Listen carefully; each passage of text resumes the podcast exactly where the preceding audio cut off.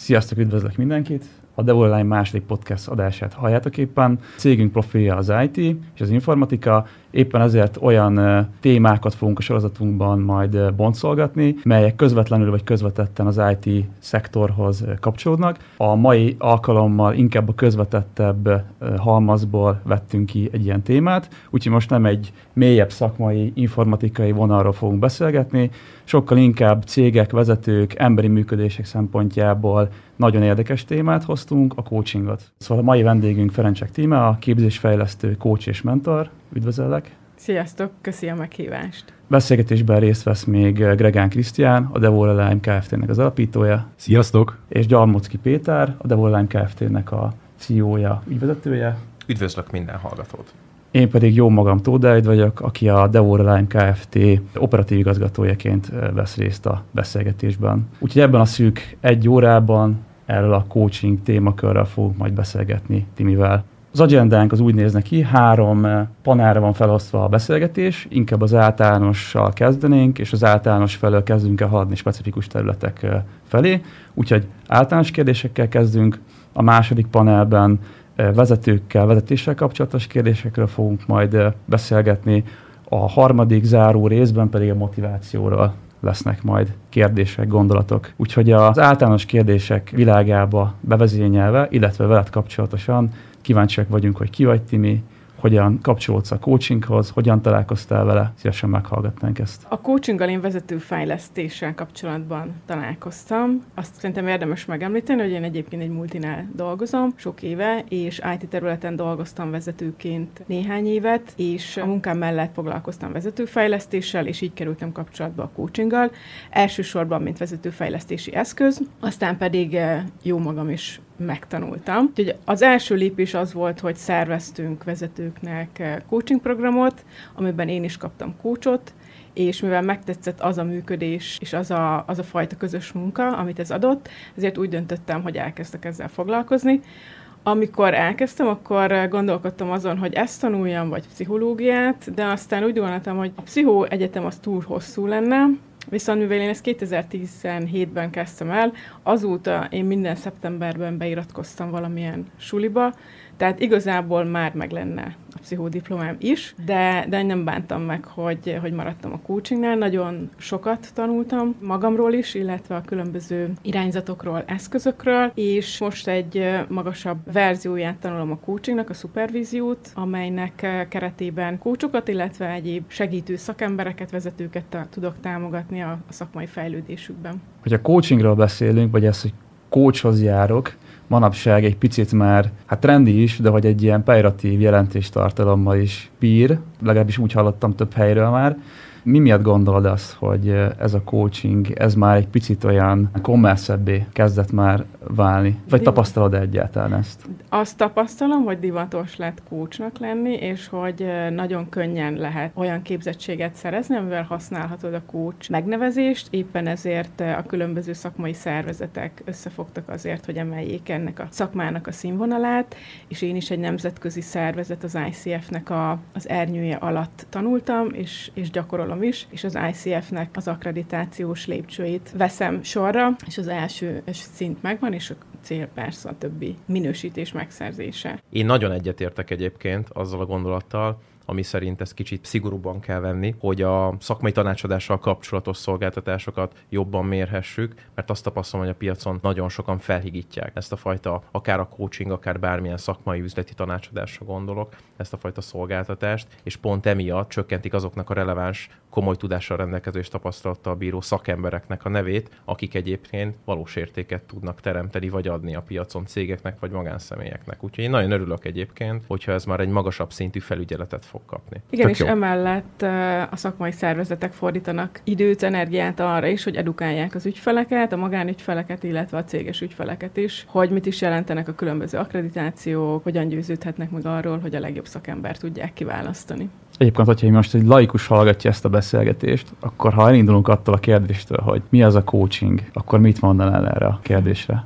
Viccesen azt szoktam mondani, hogy olyan, mint a tanácsadás, csak nem adok tanácsot. Vagyis egy olyan együttműködés, egy olyan folyamat, amiben támogatom az ügyfelet abban, hogy elérje a céljait, hogy tudjon fejlődni. Elsősorban kérdésekkel és visszajelzésekkel dolgozom. Ugye mondani szokták, hogy ez a coaching metodológia, vagy coaching technika, kérdésekkel való operáció. Ugye honnan tudja valaki, hogyha hozzá szeretne menni, vagy coachhoz szeretne menni, hogy neki kócsra van szüksége? Honnan indul a motiváció? Jó a kérdés. Hadd kérdezem a Krisztiánt, hogy neki hogy merült föl ez a kérdés, vagy igény, hogy ő kócshoz szeretne járni? Igen, szerintem itt érdemes elmondani a hallgatóknak azt is, hogy Timivel mi már dolgozunk együtt egy ideje, a Devóra és Timi. Én pedig személyesen is járok hozzá kócsolásra. Én engem mindig is érdekelt egyébként az önismeret, az, hogy hogyan tudnék jobb döntéseket hozni, vagy egyáltalán, hogy maga ez a kócsolás miről szól. Megmondom őszintén, nem teljesen tudtam, amikor felkerestünk, hogy ez, ez hogyan is néz ki egy ilyen. Egy picit annó úgy gondoltam, hogy ez olyan, mint nem tudom, elmenni egy pszichológushoz, és egy ilyen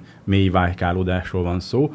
Nem erről van szó, szerintem, abszolút nem, hanem felszínre hozni olyan gondolatokat, ami segítenek az ember saját magát megismerni és megérteni azt, hogy bizonyos döntések mögött mi húzódik, miért alakulnak ki bizonyos döntésmechanizmusok, amik befolyásolják az embert, és hogyha ezt az ember megismeri, tudatossá válik benne, akkor sokkal jobban tud döntéseket hozni adott pillanatokban. Nekem ez nagyon sokat segített, de maga alapvetően bennem megvolt az érdeklődés ez iránt, és miután elkezdtünk ugye együtt dolgozni, csak megerősített abban, hogy ez abszolút egy, egy nagyon jó dolog.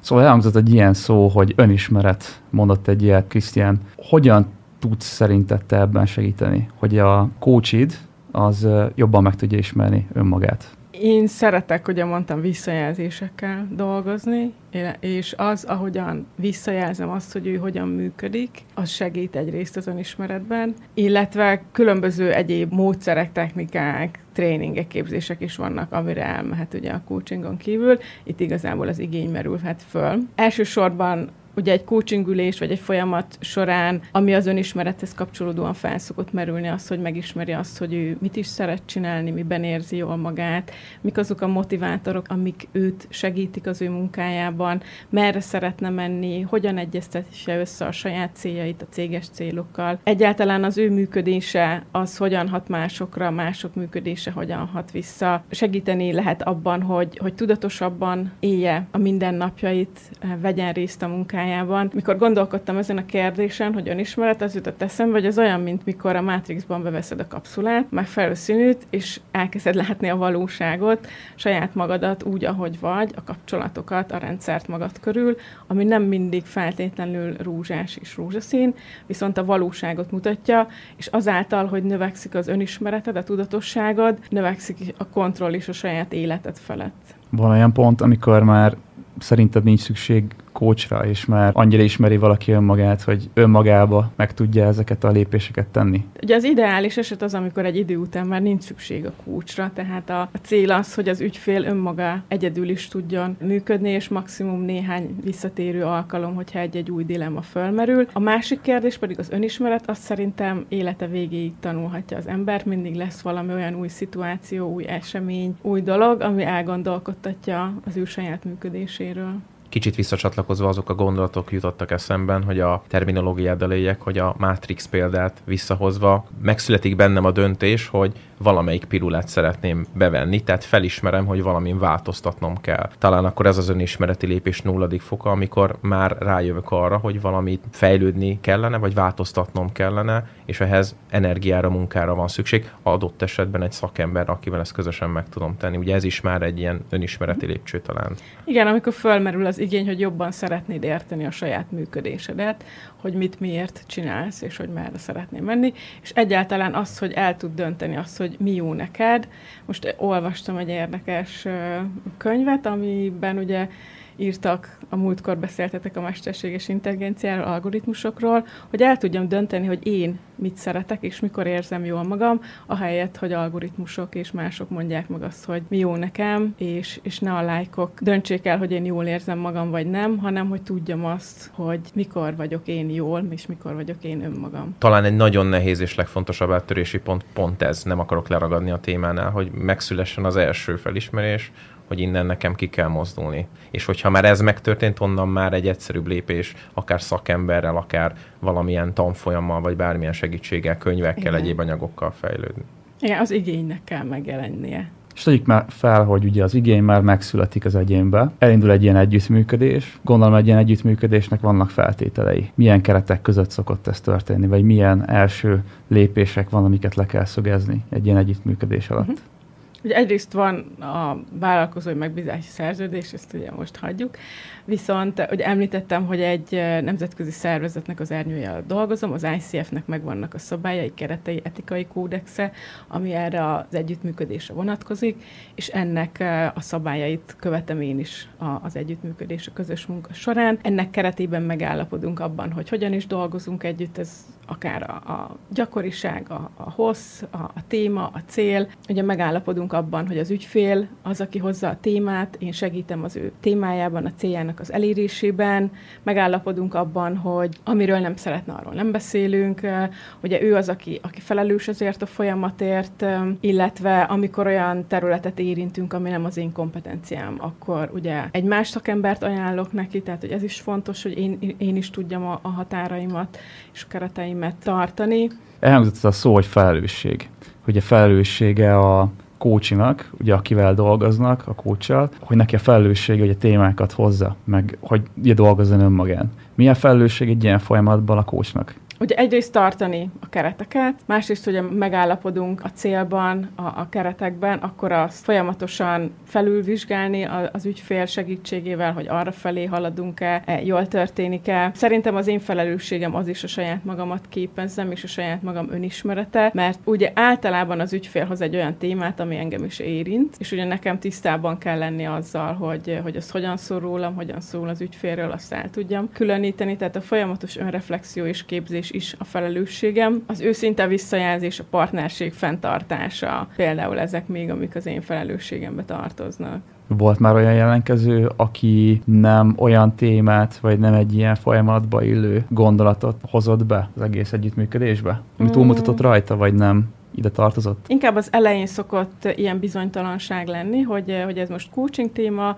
vagy inkább tanácsadásra, információra, edukációra van szüksége. Viszont ha ezeket tisztázzuk, hogy miről szól a coaching, akkor ez ritkábban szokott már a későbbi alkalmakkor fölmerülni. És gondolom ennek vannak kvázi írott szabályai, ahogy mondtad, hogy van egy etikus oldala például az egésznek, meg vannak formai követelményei, de például ugye Krisztiánnak ketten dolgoztatok már hasonló témákon, nálatok a folyamat ilyen szempontból hogyan kezdődött? Tehát, hogy megvolt ennek a, ahogy mondtam, ennek a protokoláris része, meg gondolom van egy olyan része is a dolognak, amit így egyénre kell szabni. Igen, volt egy, egy általános fő téma, hogy az ő működését saját maga szeretné jobban megérteni, és ezen kívül minden egyes alkalomra ő hoz egy témát, egy kérdést, valamikor csak összefoglalást szeretne, vagy átbeszélni, tehát hogy minden egyes ülésnek van egy egyedi célja, amit ő hoz, és ez alakítja a folyamatot. Engem az meg nagyon érdekes, hogy kicsit Krisztiánra nézek. Ha összehasonlítod azt a kettő Krisztiánt, mondjuk egymás mellett állnának, aki még nem járt Timihez, szakember, és aki már egyébként egy jó ideje, hónapok óta jár,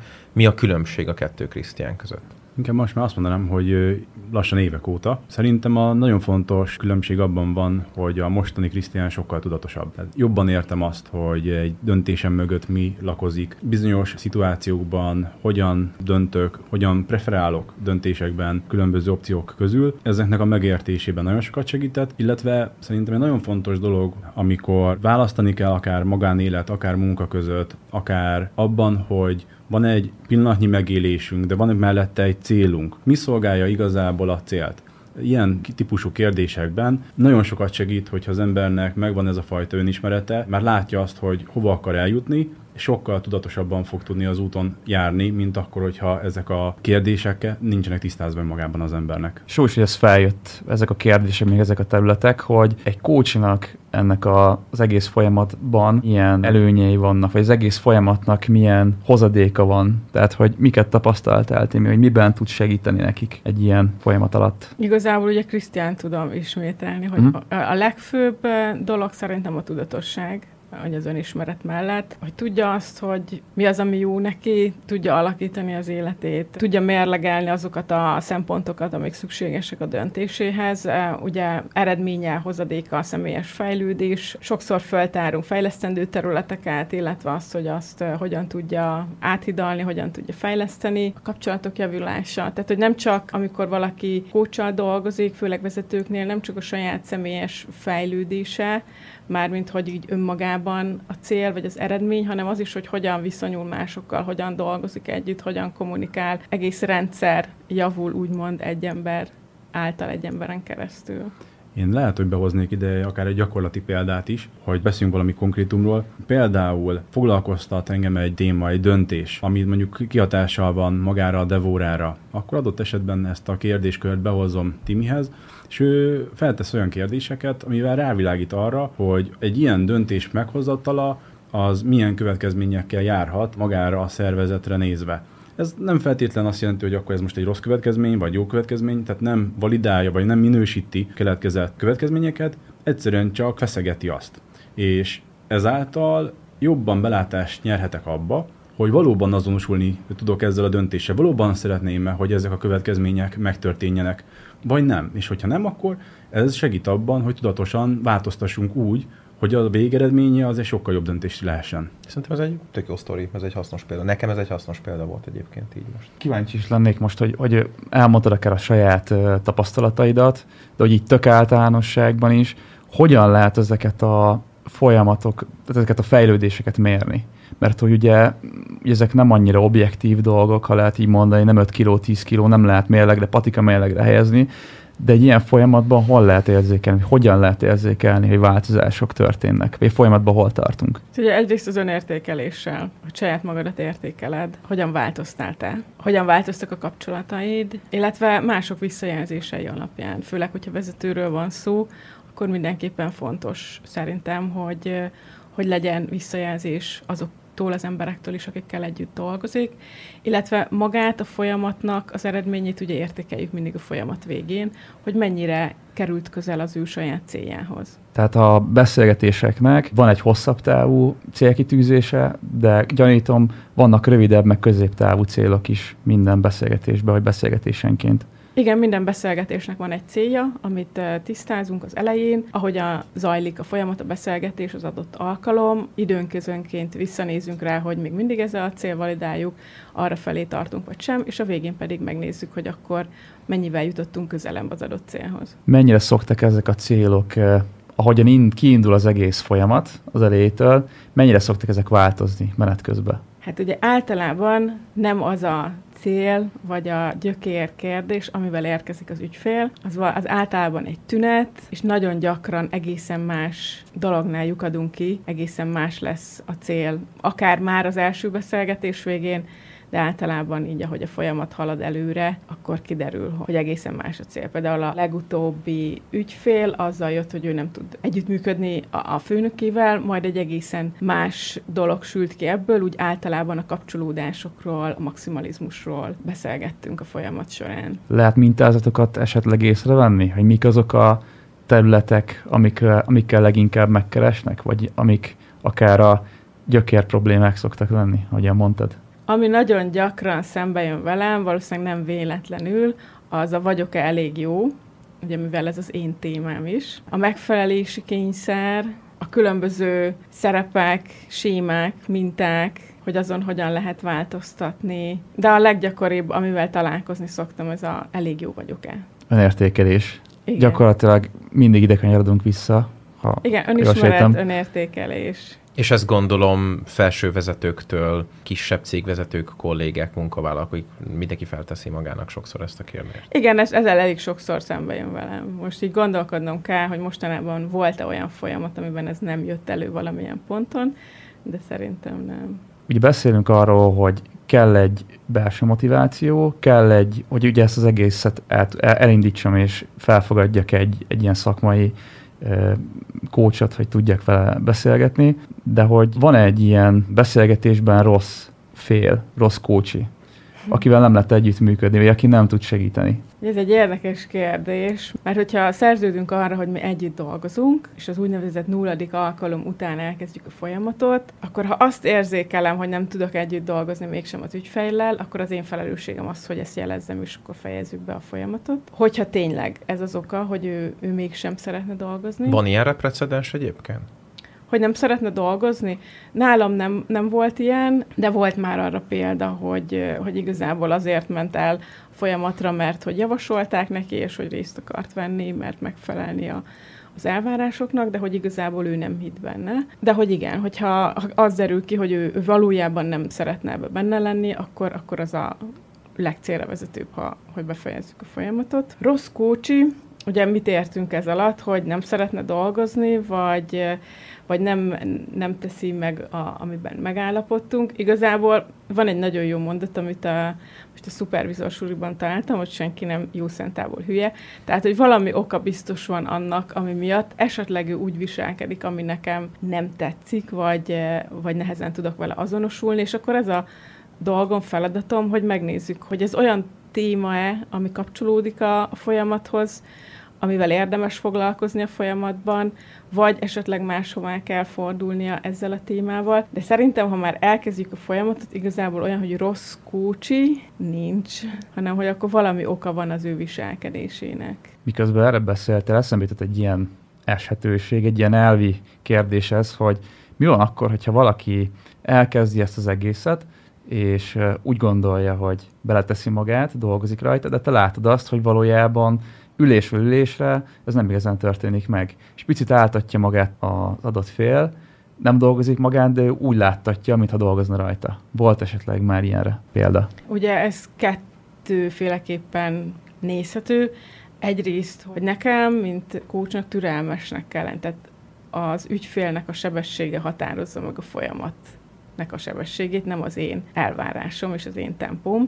Tehát abban az ütemben haladunk, ahogy ő szeretne. Ha pedig ellentmondást vélek észrevenni, akkor pedig visszajelzek. És akkor majd az ügyfél kezd valamit a visszajelzéssel. Vagy egyetért, vagy nem, vagy máshogy ért vele egyet valamit. Ha jelent neki, akkor dolgozunk vele, ha nem, akkor tovább megyünk. Én azt gondolom, hogy egy ilyen ceremónia során nagyon fontos az, hogy a kócsi az képes legyen arra, hogy megnyíljon a kócs felé. Nagyon nehéz lehet úgy valakin segíteni, hogyha nem tudja elmondani, nem tudja kimondani azokat a problémaköröket, gondolatokat, amik benne vannak őszintén.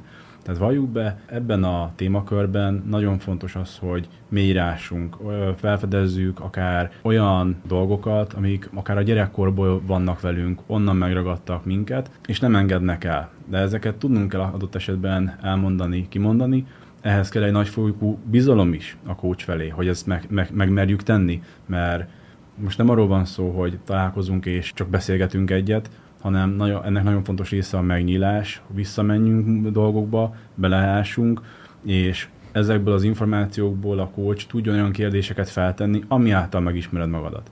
De ennek az alapja ugye az őszinteség és a transzparencia. Ki tudnak alakulni olyan helyzetek, amikor gyakorlatilag vita alakul ki egy coach meg egy coach között? Nem, szerintem. Mármint a szerepből adódóan, ugye én nem szállok vitába az ügyféllel. Amit érzékelek, amit látok, tapasztalok, azt visszajelzem, és ő eldönti, hogy az neki mit jelent. És igazából, ha ő ellent mer mondani, az nekem jó, mert azt jelenti, hogy ő biztonságban érzi magát, és tudja, hogy mondhat nemet, és, és igenis jó az, hogy ha bizonyos dolgokkal nem ért egyet. Tehát, hogy, de hogy vita, így az ülés folyamat során és erre csatlakozva olyan történt már, hogy valaki olyan irányba világította, vagy abba az irányba vitte a beszélgetést, hogy nem jók azok a energiák, irányok, amik, amik felé viszed a beszélgetést, vagy amerre viszitek ezt az egészet? Ez is a, ez, ez ugye az ügyfél felelőssége, hogy ezt mindig jelezze, hogyha valami olyan irányba fordulunk, ami neki nem, nem jó, vagy nem megfelelő.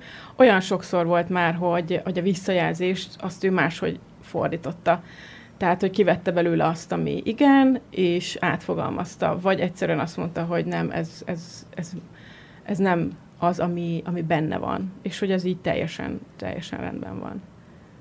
mennyire jellemző az, hogy aki hozzád fordul, az igazából tanácsokat szeretne, és az ő döntési képességének hiányában szeretne döntéseket hozni más által, vagy megerősíteni az ő gondolatait, tehát ő dönt, dönteni szeretne, és döntéseket vár tőled, sokkal inkább, mint hogy tanácsokat adj neki, vagy újabb irányokat világíts meg. Ugye ezt az elején tisztázzuk, hogy ez nem tanácsadás, én nem döntök helyette, én segítek neki abban, hogy, hogy találjon válaszokat, illetve megtalálja azokat a szempontokat, amik segítenek neki dönteni, de ezt a, leg, a legelején tisztázzuk, hogy miről is szól a coaching, és miről nem szól, és inkább tanácsért, döntésért akkor jönnek, vagy akkor próbálkoznak vele az ügyfelek, amikor még nincs tapasztalatuk igazából a coachinggal, de minél tapasztaltabb valaki e, ebben a folyamatban, annál jobban, annál inkább tudja, hogy, hogy ez nem erről szól. Tehát ezt, ezt rögtön az elején tisztázzuk, és akkor ez így nem, nem merül föl később már. És mi van akkor, ha, ha már ott tartok, a, van egy téma, amin dolgozok, kapok opciókat, hogy merre haladhatnék, de annyira el vagyok veszve, hogy egyszerűen ötletem sincsen, hogy, hogy merre, nem tudok kvázi dönteni, nem tudom, hogy merre menjek, merre vezzem a hajót. Ilyenkor sem tudsz valamennyire befolyással lenni az egyénre? Csak azzal, hogy kérdezek, vagy azzal, hogy visszajelzem ilyen esetben például, hogy olyan, mintha el lenne veszve, uh-huh. és hogy mi lenne szüksége, mi lenne az a megvilágító pont, vagy milyen információ hiányzik még, ilyesmi. Egy ilyen példában szerintem abszolút a kompetencia hiányzik, tehát valószínűleg abba az irányba kell terelni őt a kócsnak, hogy szerezze meg azt az információt, ami mentén dönteni fog tudni. Azt szerettem volna még kérdezni, így az általános tematikát zárva, volt erről most szó, hogy valaki nem tud dönteni, segítségre van szüksége, mit gondolsz, hogy mi tudja ezen a vonalon őt átbillenteni? Miben tudsz te segíteni, vagy mi az a pont, amikortól kezdve már sokkal jobban tud a, a, saját döntései után felelősséget is vállalni és dönteni. Igazából abban, hogy, hogy segítünk feltárni, hogy mi okozza az elakadást a döntésben nagyon egyszerűen, hogy mi, mi, mi akadályozza most meg, és mire van szüksége, hogy ezen túl lendüljen. Ahogy egyre többet beszélgetünk erről a témáról, egyre inkább az fogalmazódik egyébként meg bennem, hogy mennyire nehéz és mély szakma ez, mert hogy mesztelenre kell tudni vetköztetni lélekben az ügyfelet, aki lehet akár egy nagyon magas döntéshozó vezető, vagy bárki, aki nem szokta meg, hogy neki nem kell állarcokat viselni, és rengeteg olyan ember, vagy ügyfeled lehet, aki nem szokta meg, hogy neki nem kell állarcot viselni, ezért az úgynevezett pervazív szerepében van, ahol a bizonyos szerepének megfelelő állarcot visel, és az abban a szerepkörben viselkedik. És elérni azt, hogy valaki, ahogy Krisztián is mondta, annyira meg tudjon bízni, hogy akár gyermekkori, akár egyébként traumatikus, akár bármilyen mély szintig le tudjon menni, és megértse önmagát, és ezt veled együtt közösen egy utazásra menjetek, az szerintem nehéz. Az nem könnyű. Úgyhogy az én szememben egyébként, ahogy beszélgetünk, egyre följebb tolódik ennek a szakmának a elismerése. Nem, mint hogyha eddig nem ismertem volna el, de ahogy így beszélgetünk, teljesen más dimenziókban láttam egyébként, mint eddig. Nekem már egyébként hasznos volt, hogy Igen, beszélgettünk erre. Erre e, reflektálva még annyi, hogy ugye egyrészt nem csak a az ügyfél az, aki levetkőzik. De én korábban már ugye átmentem ezen az önismereti folyamaton, tehát hogy nekem ezt az utat külön előtte közben valahol be kell járnom, épp azért, amit mondtam, hogy az én ügyem, témám az ne keveredjen az ügyfél ügyével, témájával, hanem én pontosan tudjam, hogy mi az, ami rólam szól, ami bennem megjelenik, mi az én nyomógombom, amit esetleg az ő témája beindít. Illetve igen, ugye amiről beszéltünk már, hogy nekem ugye tudni kell, hogyha például ilyen mély témák jönnek benne, jönnek elő, hogy az még az én kompetenciám, vagy már egy más szakemberre van szükség. És én ugye hiszek a, a folyamatos képzésben, és ahogy említettem, én folyamatosan képzem is magam, mert hogy úgy gondolom, hogy ehhez a szakmához szükség van erre, főleg, hogy ugye meg tudjam nyitni az ügyfelet, és, és az ügyfélnek szembe kell tudnia, mernie nézni önmagával, illetve nekem van egy kisé provokatív stílusom, tehát, hogy ahogy én visszajelzek. De ez biztos kell is egyébként ahhoz, hogy kicsit kimozgasd a komfortzónából a Ez változó. Többieket. Van, aki sokkal puhább, én, én inkább olyan vagyok, mint inkább egy karikatúrista, hogy amit látok, azt egy kicsit ki is emelem, hogy... Észrevehető legyen. Igen, és aztán igen, a tükörben majd megnézzük, hogy mit lát az ügyfél, és hogy mit kezd vele. Az általános felől, általános témák felől szeretnék kicsit rákanyarodni speciálisabb irányokba, hogy mondtam, hogy vezetőkkel, vezetéssel kapcsolatos kérdéseim lennének. Beszéltünk arról, hogy egy nagyon intim kapcsolat, egy nagyon ilyen mesztelenre, lelki mesztelenre vetkőzésről van szó egy ilyen coaching alatt, hogyha egy vezetőt nézünk, akivel szemben ugye vannak társadalmi elvárások, gondolatok, nekik lehet ez még nehezebb egy ilyen folyamatba belépni. Mit gondolsz erről? Ami nehézséget okozhat egy oldalról, hogy megszokták, hogy ők egyedül oldanak meg mindent, ennek az elvárásnak megfelelni, és egyáltalán az, hogy merjen segítséget kérni. Viszont ahogy látom, ez ugye egyre kevésbé jellemző már, és egyre bátrabban mennek bele a vezetők, és fölismerték azt, hogy ez egy jó eszköz lehet az ő saját fejlődésükben, és a vezetők is jönnek ugyanolyan témákkal, kérdésekkel, elakadásokkal, mint mint a, a munkatársak, vagy az egyéni közreműködők. Náluk még bejön témaként az, hogy a csapattal való együttműködés, az hogyan javítható, illetve a közös, közös munka. Mikor mondod egy vezetőre azt, hogy ő egy jó vezető? Ez egy nagyon jó kérdés. Igazából szerintem amikor a munkatársai azt mondják róla, hogy jó vezető. Nehéz felsorolni szerintem egy képesség, kompetencia halmaz, mivel attól függ, hogy milyen iparág, milyen terület, milyen csapat, milyen cég, milyen kultúra, de ha az emberek, akikkel együtt dolgozik, azt mondják, hogy ő jó vezető, és szeretnek vele dolgozni, és kiállnak mellette, és nem mennek el minimális fizetésemelésért, akkor, akkor ő egy jó vezető. Egyébként kérdezek egy provokatívat. Biztos az, hogy a munkatársak ezt mindig vissza tudják hitelesen jelezni, mert egy vezető sokszor lehet, hogy olyan döntést kell, hogy meghozzon, ami mondjuk a munkatársai számára nem biztos, hogy előnyös. Gondolok itt például arra, hogy muszáj elbocsátani a három embert, mert mondjuk olyanok a gazdasági körülménye, vagy bármilyen körülménye, hogy mondjuk nem tudja, vagy nem akarja valami miatt fenntartani, a cégnek mondjuk az az előnye, akkor ők nem fogják azt mondani, hogy ő jó vezető volt attól függ szerintem, hogy mennyire tud transzparens lenni ezeknek a kommunikációjával. Mert hogyha a munkatársak tudják, hogy mi miért történik, és megvan az a bizalmi szint, hogy tudják, hogy megbízhatnak abban, hogy a vezető mindent megtett értük, és megértik azt, hogy emellett vannak eh, üzleti elvárások és célok, akkor szerintem ilyen nehéz helyzetekben is mond, tudja azt mondani a munkatárs, hogy neki jó vezetője van illetve ugye az el, elbocsátani is többféleképpen lehet az embert, és hogy utána is lehet még kísérni és foglalkozni vele. Egyébként kimondtad, amit hallani szerettem volna, úgyhogy... Gondolatolvasok is, igen. Kérdezek én is egy provokatívat Peti után, hogy um, egy jó vezetőnek ismerve az, hogy dolgozik magán, és hogy ő is jár kócshoz. A jó vezetőnek szerintem ismerve az, hogy dolgozik magán, nem feltétlenül kell, hogy kócshoz járjon, máshogy is dolgozhat magán. Szerintem akkor tud valaki másokkal foglalkozni, másokon segíteni és fejleszteni önmagát, hogyha ismeri önmagát, de hogy igen, én ugye annak vagyok a híve, hogy önismeretet élete végig tanulhat az ember, és a vezető is, és igen, szerintem az önfejlesztés az az ismérve a jó vezetőnek. Én azért értek ezzel amúgy nagyon egyet, mert nagyon nagy a felelőssége is a vezetőnek. Sokszor uh, több embernek akár a megélhetése, vagy azoknak a családjának a megélhetése is múlik rajta. Ezért, hogyha valaki valóban azt érzi, hogy vezető szeretne lenni, akkor talán valamennyire kötelessége is lenne, hogy dolgozzon magán, hiszen nem csak magáért, hanem sok emberért is felelős.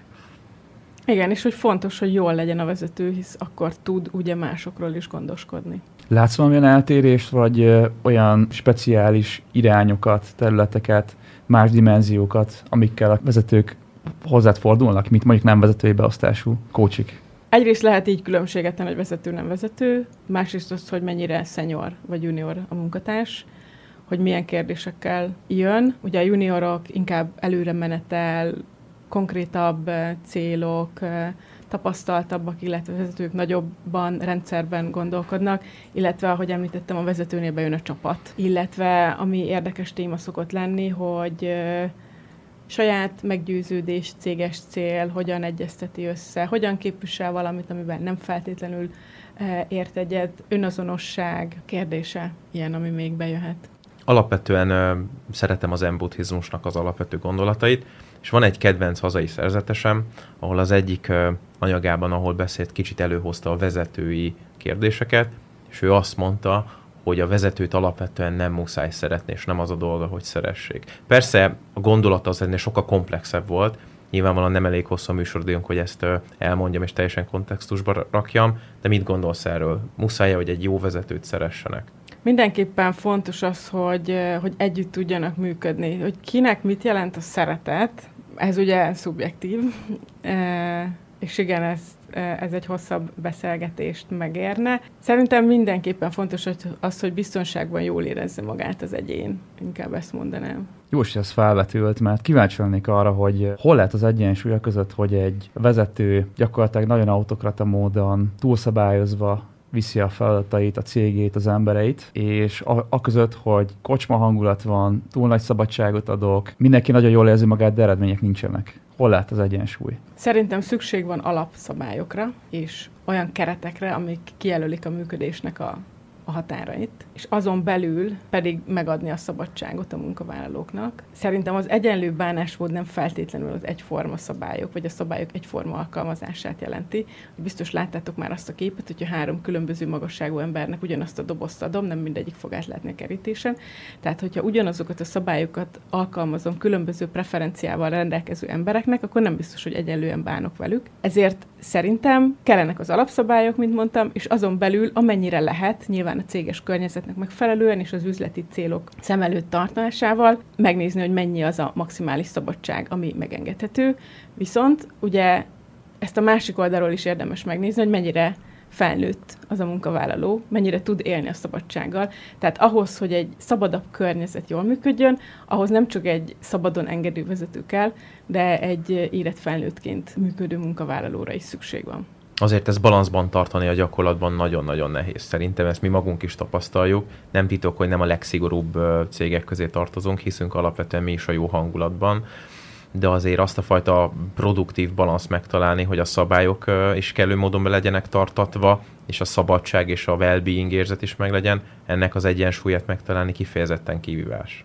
Igen, ez nehéz, és főleg az, hogy mindenkinek másfajta mértékű szabadságra van szüksége, másféle iránymutatásra van, akinek több keretkorlát kell, van, akinek kevesebb.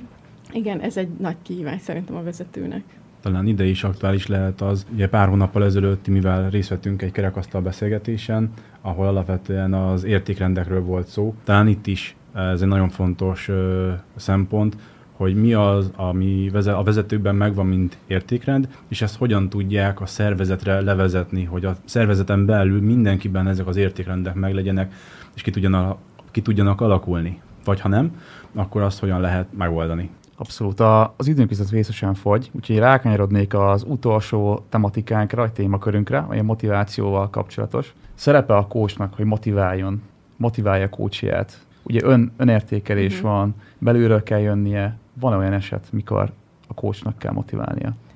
Egyrészt ugye én azt szoktam mondani, hogy én nem tudok motiválni senkit, tehát se vezetőként, se kócsként. Tudok teremteni olyan körülményeket, amiben az adott egyén motiváltnak érzi magát, illetve tudok neki segíteni abban, hogy fölismerje azt, hogy mik az ő motivátorai, amiben, amitől jól érzi magát.